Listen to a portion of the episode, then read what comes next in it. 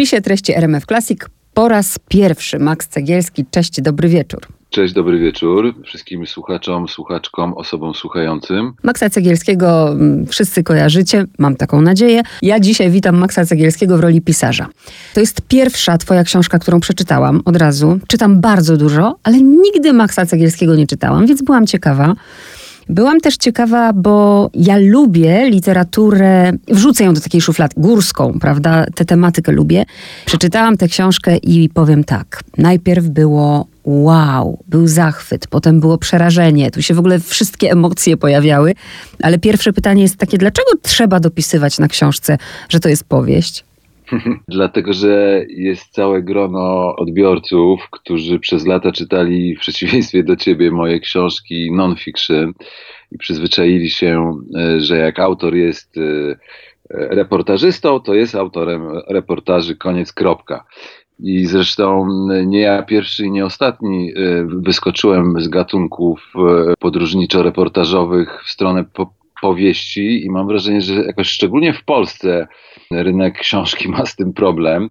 Ale też ten dopisek, y, przynazywam się Czogori, że jest to powieść, wynika z tego, że jest to historia, która powstała w moim umyśle, ale która oczywiście się odwołuje do e, świata gór wysokich, czy wręcz do książek, które ty być może także znasz i, i znają osoby, które nas słuchają. I y, chciałem, żeby tutaj nie było żadnej wątpliwości, że okej, okay, każdy autor, pisząc dowolną książkę, robi research, tak? Stanisław Lem, jak pisał science fiction, też robił research, ale nie zmienia to faktu, że powieść jest powieścią, czyli na końcu bije się autora, w tym sensie, że to powstało w jego głowie.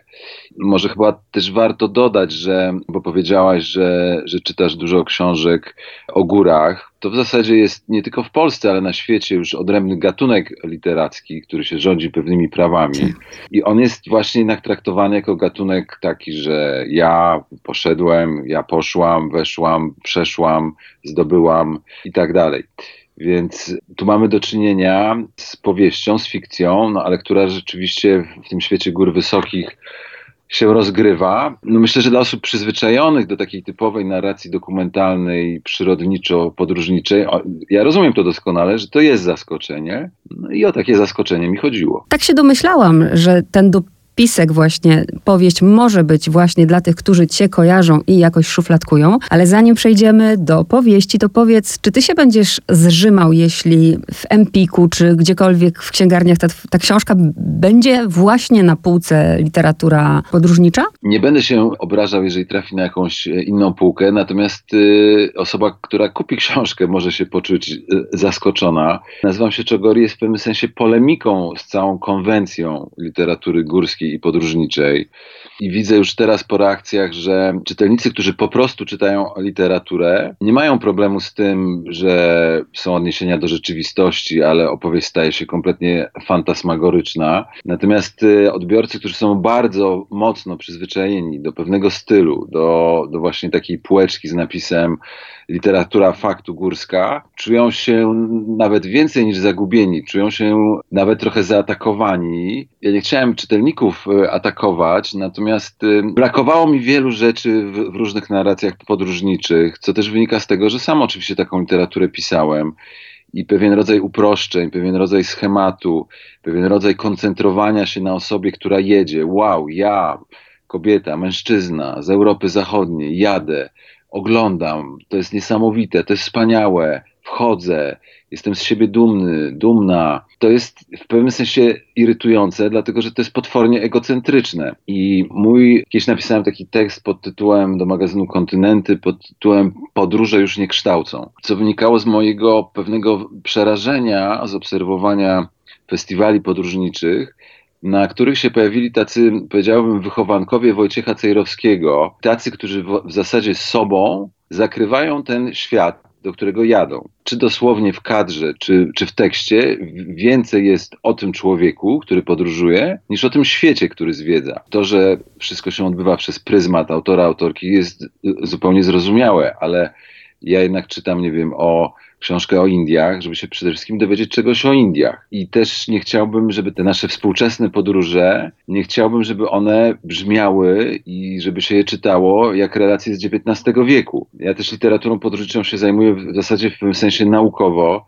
Znam na przykład, nie wiem, dziesiątki tekstów angielskich myśliwych, którzy pojawiali się w Himalajach czy w Karakorum. Pisali takie książki pod tytułem Upolowałem, wszedłem na górę, a większość z nich tak naprawdę była mniej lub bardziej dosłownie po prostu agentami brytyjskimi, którzy mapowali te góry e, na potrzeby konfliktu z Rosją. O tym była moja poprzednia książka o Bronisławie Grąbczewskim, tak zwanej wielkiej grze pomiędzy Imperium Angielskim a, mm, a rosyjskim. I, i, I zmierzam do tego, że podróże nie są niewinne Podróże są jakąś nawet formą sprawowania władzy. Skończył się kolonializm, ale kiedy pokazujemy na Instagramie zdjęcie białego człowieka, który od ciemnoskórego człowieka coś kupuje na przykład, albo go obejmuje i ten szerpa z Nepalu czy Afrykańczyk w Afryce się uśmiecha do kamery, to jest to tak naprawdę nadal kolonialne, bo to my kontrolujemy sytuację. Rozumiem, co chcesz mi powiedzieć. W książce mam nawet taki fragment, gdzie dziwią się szerpowie, że nikt ich, że właśnie przyjeżdża taki biały człowiek i on nawet nie widzi różnicy między sunitami, szyitami, go to nie interesuje, nie? Bo on przyjechał tam w jednym celu. Ale teraz pytanie, czy, bo podejrzewam, że wiesz, ludzie będą kiwać głową na to, co mówisz, ale jednak większość, większość właśnie tak robi. I napisałeś, pomyślałam, bardzo ambitną książkę dla wąskiego grona. Nazywam się Czogori. Jest książką bardzo poważną, ale jest książką napisaną jednak w stylu popowym. W tym sensie mówię, kiedy mówię o stylu popowym, to mam na myśli to, mam na myśli pewną z kolei dbałość o czytelnika, czytelniczkę i to, że mm, słyszę też od bardzo wielu osób, że ta książka po prostu bardzo wciąga, tak? To znaczy to nie jest, to nie jest takie typowe artystowskie pitu-pitu, tylko większość osób chce się dowiedzieć po prostu, co będzie dalej, tak? I w tym sensie ona wykorzystuje schematy kultury po popularnej, wręcz y, kina popularnego, bo dla mnie bardzo ważną inspiracją było oglądanie horrorów. Te wątki zresztą z horrorów, które się w tej książce pojawiają, niektórzy też są tacy zdumieni, że dlaczego tam się jakieś duchy pojawiają, o co w zasadzie w tym, w, w tym chodzi. To znowu wydaje mi się, że jest trochę polską przypadłością, bo na przykład na rynku amerykańskim mamy, ja nie chcę się porównywać, jeżeli chodzi o jakość co do, do, do tych autorów, mówię o pewnym sposobie myślenia. Mamy na przykład Marlona Jamesa, z Jamajki, mieszkającego w Ameryce, laureata Bookera, który pisze potwornie krwawe książki, w których się odwołuje do popkultury, co nie zmienia faktu, że to są bardzo poważne książki. Mamy Michaela Shabona, który y, się odwołuje do historii komiksu amerykańskiego, ale pisze bardzo poważne książki. W Polsce myślę, że w ogóle problemem jest to, że mamy z jednej strony nadal tak zwaną kulturę wysoką, czyli, e, czyli poezję, czyli wielką literaturę, przy tym się też zapomina, że jednym z polskich autorów, który, który najwięcej się zajmował e, duchami, demonami i wampirami, to był Adam Mickiewicz na mhm. przykład, mm. który o nich bardzo serio rozmyślał, oraz Juliusz Słowacki. Więc tak naprawdę mm, w tej kulturze wysokiej też takie wątki wydawałoby się dzisiaj rodem z jakiegoś taniego serialu koreańskiego. One się właśnie tam pojawiały, ale dziś mamy tak, że mamy autorki, autorów, którzy piszą literaturę, nie wiem, fantasy czy kryminały. I oni są traktowani jako, jako coś zupełnie oddzielnego, i motywy pomiędzy różnymi typami książek w ogóle nie, nie mają prawa wędrować. A, a tymczasem na tym polega piękno e, tworzenia i pisania, że te motywy można wymieszać, kiedy to jest potrzebne. A w wypadku Czogori nie chcę zdradzać, jak to się kończy cała ta epopeja, ale, e, ale moim zdaniem jest to potrzebne. Ja właśnie dlatego rozmawiam e, dookoła książki, drodzy słuchacze, bo e, nie wiem, czy się ze mną zgodzisz, to jest moje wrażenie, że właśnie balansujesz cały czas na granicy. Oczywiście, że to jest ryzykowne, no ta granica jest płynna, ale weźmy sobie od okładki. Nie? Na początku można pomyśleć, wiesz, ludzie lubią kryminały, uwielbiają właśnie takie wciągające historie. Mnie też bardzo zawsze denerwują, ja staram się nie czytać blerbów, bo dla mnie tam już, nie wiem, tak jakbym była jakimś przygłupem, któremu trzeba wytłumaczyć, że powieść jest w fantastycznej formie, że to, że tamto, że, że góra, że, że czogori, że K2. No ale dobra, to jest moje, nie? I teraz można mieć wrażenie, że to jest właśnie jakiś taki wciągający kryminał, nawet po okładce, a z drugiej strony ta okładka w, z pierwszym skojarzeniu, jak spojrzałam na nią z daleka, skojarzyła mi się z wędrowcem. W środku może być to wciągająca historia dla tych, którzy lubią kryminały, lubią horrory. Może być to książka dla tych, którzy kochają właśnie książki związane z górami. Odwołujesz się, jakby nie było bardzo czytelnie, do niektórych prawdziwych wydarzeń i prawdziwych osób. No naprawdę ktoś musi, naprawdę wystarczy się orientować niewiele, żeby umieć rozczytać te postaci.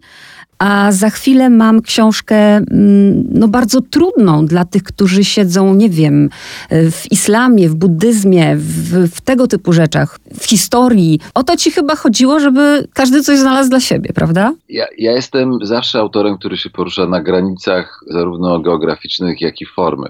Ale spróbujmy tą, jakoś to przybliżyć. Na okładce jest góra. Książka zaczyna się od tego, co mówi góra. E, co czuje góra Czogori. Jest to takie zadanie intelektualne, ale właśnie może nawet mniej intelektualne, bardziej emocjonalne, wyobrazić sobie, co może czuć góra, na którą wszyscy chcą się wspiąć. E, I mamy na tej okładce e, ewidentnie młodego chłopaka, jakiegoś właśnie wędrowca, jakiegoś włóczykija, bo głównym bohaterem tej książki, poprzez którego ten świat poznajemy, jest młody chłopak, Olo, który jako takie trochę piąte koło uwozu, to znaczy on nie jest wspinaczem, jest fotografem, jest kimś z zewnątrz, to zostaje dokoptowany do grupy e, wspinaczy, którzy idą w głąb Karakorum, żeby mm, wejść na górę, którą Anglicy nazwali K2, a tak naprawdę się zawsze nazwała Czogori. E, Olo jest, e, to jest ważne, że on jest fotografem, nie bez powodu, ponieważ jest kimś, kto patrzy ale trochę ma problem ze słuchaniem, również ze mhm. słuchaniem samego siebie.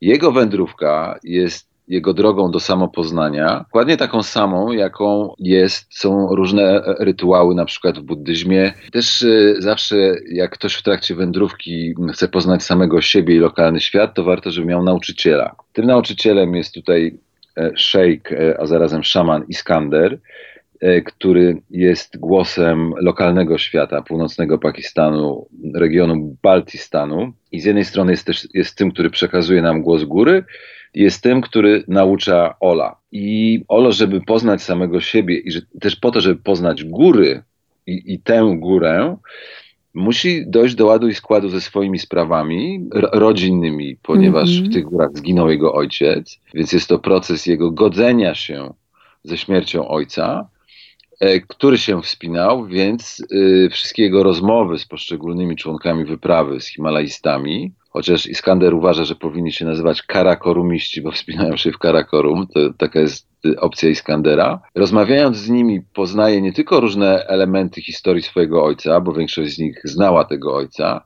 ale też każdy z uczestników tej wyprawy opowiada Olowi i nam o swoim, swojej filozofii wspinania się w gruncie rzeczy. A w filozofii wspinania się, czyli to, o czym żeśmy rozmawiali, czy patrzysz tylko i wyłącznie na szczyt i masz summit fever, czy jednak widzisz drogę, jesteś w stanie odczuć drogę, która cię prowadzi do tego szczytu, no to są takie podstawowe pytania dotyczące w ogóle podróży, a himalaizmu w szczególności. Element fantastyczny, który się pojawia w tej książce, no wynika z tego, że Olo szuka trupa swojego ojca. -hmm. Jest to podróż zarówno dosłowna w przestrzeni, ale jest też podróżą duchową. No a podróże duchowe mają to, to do siebie, w pewnym sensie znika nam jakaś e, realność i zaczynają się pojawiać elementy, o których nie wiemy do końca, czy one się naprawdę dzieją, czy one się dzieją tylko w głowie bohatera, narratora. I też oczywiście chodzi o to, że na przykład y, w buddyzmie mamy tybetańską księgę umarłych, która jest tutaj powieści ważnym tekstem, tak. jest opowieścią o pełną przerażających scen demonów torturujących ludzi, ale nie bez powodu. Europejscy psychoterapeuci i filozofowie uznali tybetańską księgę e, umarłych za taki tekst właśnie o podróży wewnętrznej, chociaż na zewnątrz się wydaje jakimś upiornym horrorem te wszystkie elementy są tak skomponowane, jak taka mandala buddyjska wysypana, gdzie każdy element się łączy z innym. No i właśnie dlatego powiedziałam, że napisałeś skomplikowaną książkę do formy i do, do, do tego, co zrobiłeś, jeżeli chodzi o kompozycję, to jeszcze dojdę. Ale powiedz mi, bo mam takie, takie pytania, które sobie zadawałam i chciałabym je sama sobie rozwiać, bo akcja tej książki toczy się w 95 roku i jak czytałam, to od razu, nie wiem, łapałam się na takich myślach, że wydawało mi się to na przykład mocno naciągane, że tak bardzo już była rozwinięta reklama i sponsoring, że ktoś by wpadł na taki pomysł, że właśnie Olo, no idealnie jest, żeby Olo się na tej wyprawie pojawił. Coś takiego jak sponsoring to dopiero raczkuje. E, rozumiem twoją wątpliwość, ale w książce jest też bardzo wyraźnie powiedziane, że to jest pierwsza wyprawa, która ma sponsora. I więc, że jest to pewnego rodzaju nowum. O to właśnie mi chodziło, że to, co w tej chwili jest zupełnie oczywiste, czyli, że nie wiem, Andrzej Bargiel zjeżdżając z wysokich gór ma, oczywiście, ma sposób jakby oczywisty dla nas zupełnie sponsorów. Wyprawy mają partnerów medialnych, mają sponsorów, właściwie każdy element wyprawy, od jedzenia po sprzęty pochodzi od jakiegoś sponsora. Chodziło o to, żeby uchwycić to zjawisko na samym początku, dlatego że to jest również zaskakujące dla tych uczestników. Problem, który się pojawia w tej grupie wspinaczy wokół Ola, to jest taki, że mamy starych Himalajstów, którzy się wspinali właśnie przed 89 przede wszystkim w PRL-u i są przyzwyczajeni do pewnych metod działania i mamy młodych, z młodego pokolenia, które już funkcjonuje na innych zasadach i w, innej, w, innym, w innym świecie.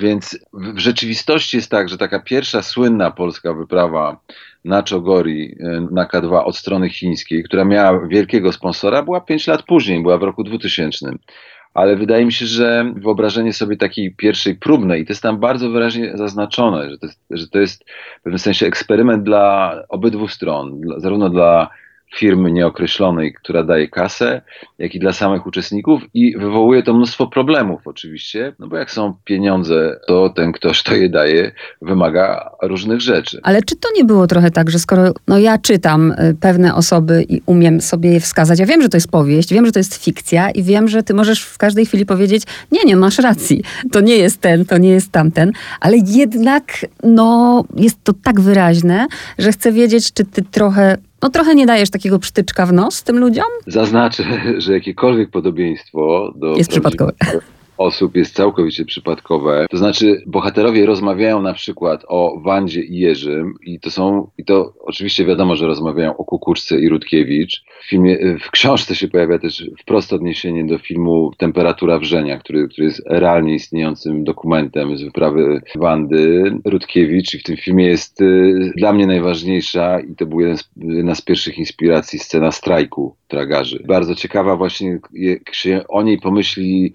nie w kontekście tego, że chcemy, żeby Polacy zdobyli, tylko jak pomyślimy trochę o tych ludziach, którzy strajkują. I, mm. i mhm. to też był jeden z powodów napisania tej książki, gdzie mamy też głosy tych ludzi, którzy strajkują i o co im właściwie chodzi. Natomiast ja myślę, że to jest tak, y, to jest tak jak z powieściami z kluczem tak zwanymi, tak? Czyli istnieje zawsze jakieś 100 czy, a czasami tylko 20 osób, które powiedzą, a, bo to jest tamten. Znowu przy zachowaniu wszystkich proporcji, jak Proust pisał w poszukiwaniu utraconego czasu, to też byli tacy, którzy mówili, a, bo to jest tamten, a ja go znam i to Prustowi chodziło o tego, ale 90% odbiorców nie wiedziało, o kogo chodzi. Dlatego to jest po prostu literatura, że ty i pewnie jeszcze wiele innych osób, które bardzo dobrze znają e, historię i przypadki polskiego himalajzmu, powiedzą, o, a ten tutaj kierownik Jan to jest ten. Mhm ale każda z tych postaci jest, jest, jest, z tych wspinaczy jest pewnym typem, tak? To znaczy Jan kierownik, dlatego też on jest tak wyraźnie kierownikiem, jest pewnym typem kierownika. Filip, młody wspinacz, jest pewnym typem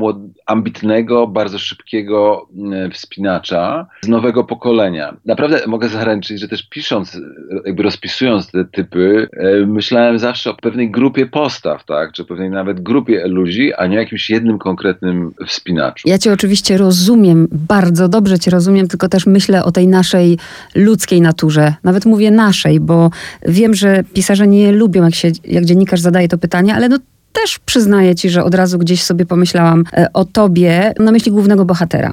E, I też wiem, nawet kiedyś w Newsweeku czytałam twój e, wywiad, jeżeli chodzi o twoją relację z twoim tatą. I Olo też no, ma tą relację z ojcem trudną. I sobie pomyślałam właśnie, nie lubicie tego pytania, no ale no muszę je zadać, czy Olo to ty, nie? Chociaż trochę. Ja myślę, że y, y, wskażcie mi osobę, która nie miała problemów w relacji z matką czy ojcem. znaczy, nawet jeżeli twierdzi, że nie miała, to wyłącznie dlatego, że nie była jeszcze na terapii, tak? Więc każdy, każdy ma jakieś e, kłopoty ze swoimi e, e, rodzicami.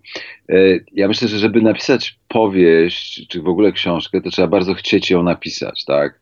W tym sensie, że mm, jak pisałem reportaże, to nie dlatego, że to były modne tematy, czy akurat świat się interesował tym regionem, tylko po, po prostu bardzo chciałem o tym napisać. Kiedy autor pisze powieść, i myślę, że nawet tak jest w wypadku autorów, autorek kryminałów w gruncie rzeczy, że w sposób oczywisty obdarza bohaterów, czy, różne, czy ustawia ich w takich konfiguracjach, które, które wynikają jakoś e, z naszego życia, po prostu. Olo jest takim bohaterem, który jest trochę mną, w sensie takim mną z lat 90., ale takich osób jak ja było mnóstwo, no, czyli takich młodych ludzi, którzy mają powiedzmy około 20 lat, 18-20 w połowie lat 90. Rynek się otwiera, mają super pracę i zaczynają się w tym gubić, tak? Więc to, to nie chodzi tylko o mnie, ale myślę, że chodzi o pewne pokolenie w ogóle. Jego relacja z ojcem jest oczywiście trudna, tylko jest podstawowa różnica, że mój ojciec na szczęście odpukać cały czas żyje. On natomiast ma ojca, który nie żyje. Natomiast y, na pewno w sensie dramaturgicznym, w sensie psychologicznym, jest dużo trudniej pogodzić się z kimś, kto już nie żyje, bo już nie możemy z nim porozmawiać. I, i to jakby przesuwa cały ciężar tych wymogów terapeutycznych, czy jakiegoś godzenia się już tylko i wyłącznie na tego, kto żyje. Więc y, na, na pewno postać Ola jest jakoś napędzana tym, co ja znam, ale też y, zdecydowanie przekracza moje osobiste doświadczenia. I, i też to przesunięcie w góry wysokie i, i, i, i historia E, podróży za ciałem swojego, swojego ojca. E, jest też tutaj konieczna, no bo, bo jest to też książka o śmierci, prawda? Widzianej od różnych, od różnych stron. Więc e, znaczy tak, oczywiście masz rację, że jest w Olu sporo ze mnie, ale to, to, to nie jestem tylko ja. Mhm. Mówię to żartobliwie, więc, ale wiesz co pomyślałam, że Olo po cholerę on w ogóle poszedł w te góry, mógł po prostu iść na terapię. Ale widzisz, znowu to jest, ta, to jest tak, że w roku y, teraz, 2022, pójście na terapię wydaje się czymś tak, oczywistym. Tak. Natomiast zarówno w schyłkowym PRL-u, jak i w początkach wolnej Polski nie było tak e, oczywiste. Poza tym Olo wspomina o tym, że chodzi na terapię. No tak.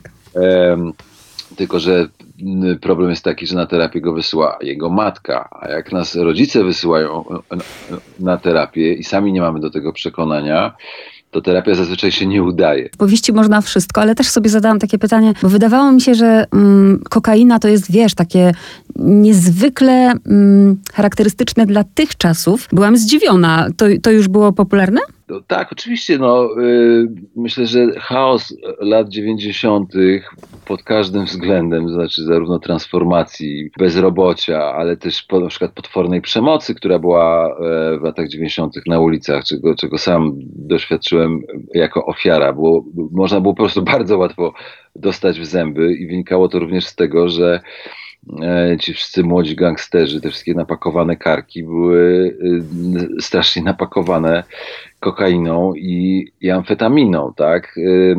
Więc y, tak, wtedy, wtedy też y, jednak znajomość realiów połowy lat 90., no to jest nie tylko kwestia researchu w tym wypadku, ale też kwestia moich doświadczeń i, i mojej pamięci z tej epoki. Jakby wyjaśniasz to w posłowiu, więc nie jest to tajemnicą, ale moje skojarzenie, zanim przeczytałam posłowie, było właśnie jedno, ale to może z racji takiej, że czytałam to na studiach, ale myślę, że każdy, kto gdzieś, nie wiem, zdał maturę, to na pewno z Decameronem. Popatrzyłam, no to, że tak powiem, inspirowałeś się bardzo ambitną literaturą, tworząc tę książkę i opowiedz przy okazji o kompozycji. Tylko trzeba pamiętać, no tak, bo Decameron był z kolei jedną z wielu bardzo inspiracji dla, dla Potockiego, kiedy pisał swój rękopis znaleziony w Saragosie. Tylko trzeba też pamiętać o tym, że, że na przykład ta książka dla nas teraz może się wydawać trudna i ambitna, ale wtedy, kiedy on ją pisał, e, była w pewnym sensie literaturą popularną. Ale oczywiście, że tak. Bardziej mam na myśli kompozycję, wiesz? Ale, no tak, ale czy, mm,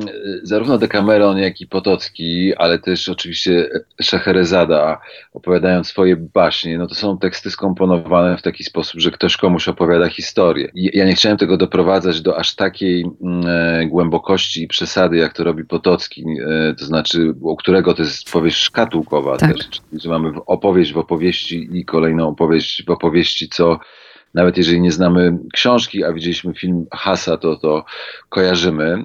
Chociaż właśnie u Hasa już to jest odrobinę uproszczone. E, natomiast też e, Wydaje mi się, że e, jak to ktoś powiedział, że powieść Nazywam się Czogori mu przypomina wieczory przy ognisku. No bo to jest taka sytuacja, zarówno u mnie, jak i w tych innych um, dziełach, no że po prostu, że, że ludzie siadają, odpoczywają, czekają na coś i zaczynają opowiadać sobie historię. I ktoś coś mówi, ale ktoś kogoś zaczyna cytować, właśnie kto, kto co mówi. I w wypadku nazywam się Czogori, no mamy tak, że podczas całego tego trekkingu y, właśnie kolejni uczestnicy wyprawy, a jest też Zuzanna, która się nie wspina, ale jest y, dziennikarką zajmującą się górami i kręci film z kolei z tej wyprawy i zarówno ona, jak i poszczególni uczestnicy opowiadają opowiadają, opowiadają Olowi e, właśnie historie związane z jednej strony z jego ojcem, a z drugiej strony z mm, jakąś filozofią wspinaczkową. No bo dopóki nie mieliśmy internetu, dopóki nie mieliśmy streamingów, ale też wydaje mi się, że nawet to, że oglądamy seriale, to trochę, to, no to jest przecież Szeherezada, tak? To znaczy, e, która nam opowiada jakąś historię, a potem przerywa i chcemy wiedzieć, co będzie dalej, więc albo płacimy abonament, kiedyś czekaliśmy tydzień powiedzmy do, do kolejnego odcinka, a dzisiaj pochłaniamy do rana czasami w ramach binge-watchingu, więc z jednej strony te, te, ten styl narracji jest jakiś bardzo klasyczny, ale też jakoś no, przywraca, mam taką nadzieję, współcześnie pewną po prostu ciekawość tak, drugiego człowieka, mm, opowieści, którą ma za sobą i tak dalej. Ja prowadziłam tę rozmowę w ten sposób, e, mam nadzieję, że to, znaczy na pewno to wyłapałeś, bo jesteś po prostu dziennikarzem z doświadczeniem, że cały czas tak, tak cię wiesz, szarpałam, szarpałam, mając też nadzieję, że po tej drugiej stronie mm, słuchacz, a to jest takie nasze polskie, nie, że jak to trudne, jak to trudne, to nie jest trudne, to nie jest trudne, ja to przeczytam, ja ci pokażę, że to nie jest trudne. Więc przybrałam też trochę taką y, rolę, a teraz już przejdę do zachwytów y, i do prologu i do takiego pytania, bardzo mi się spodobał ten prolog, czy ty, o, o twoje doświadczenie z Czogori, twoje prywatne. E, znaczy ja nie, nie byłem w Basecampie w bazie pod Czogori. Natomiast byłem przede wszystkim, spędziłem parę sezonów w północnym Pakistanie, w, zarówno właśnie w Baltistanie, gdzie, e, gdzie są i, i Broad Peak i, i, i tak zwane K2 i tak dalej. E, ale też e, w Dolinie Hunzy, w okolicach Gilgit, w, na granicy pakistańsko-chińsko-afgańskiej. Więc y, i moje mm, obcowanie z górami tam i w ogóle z górami wysokimi, to samo myślę mam w Polsce, czy w Tatrach, czy, czy w Beskidzie Niskim, to jest właśnie jakaś taka próba wsłuchania się w, w kamienie.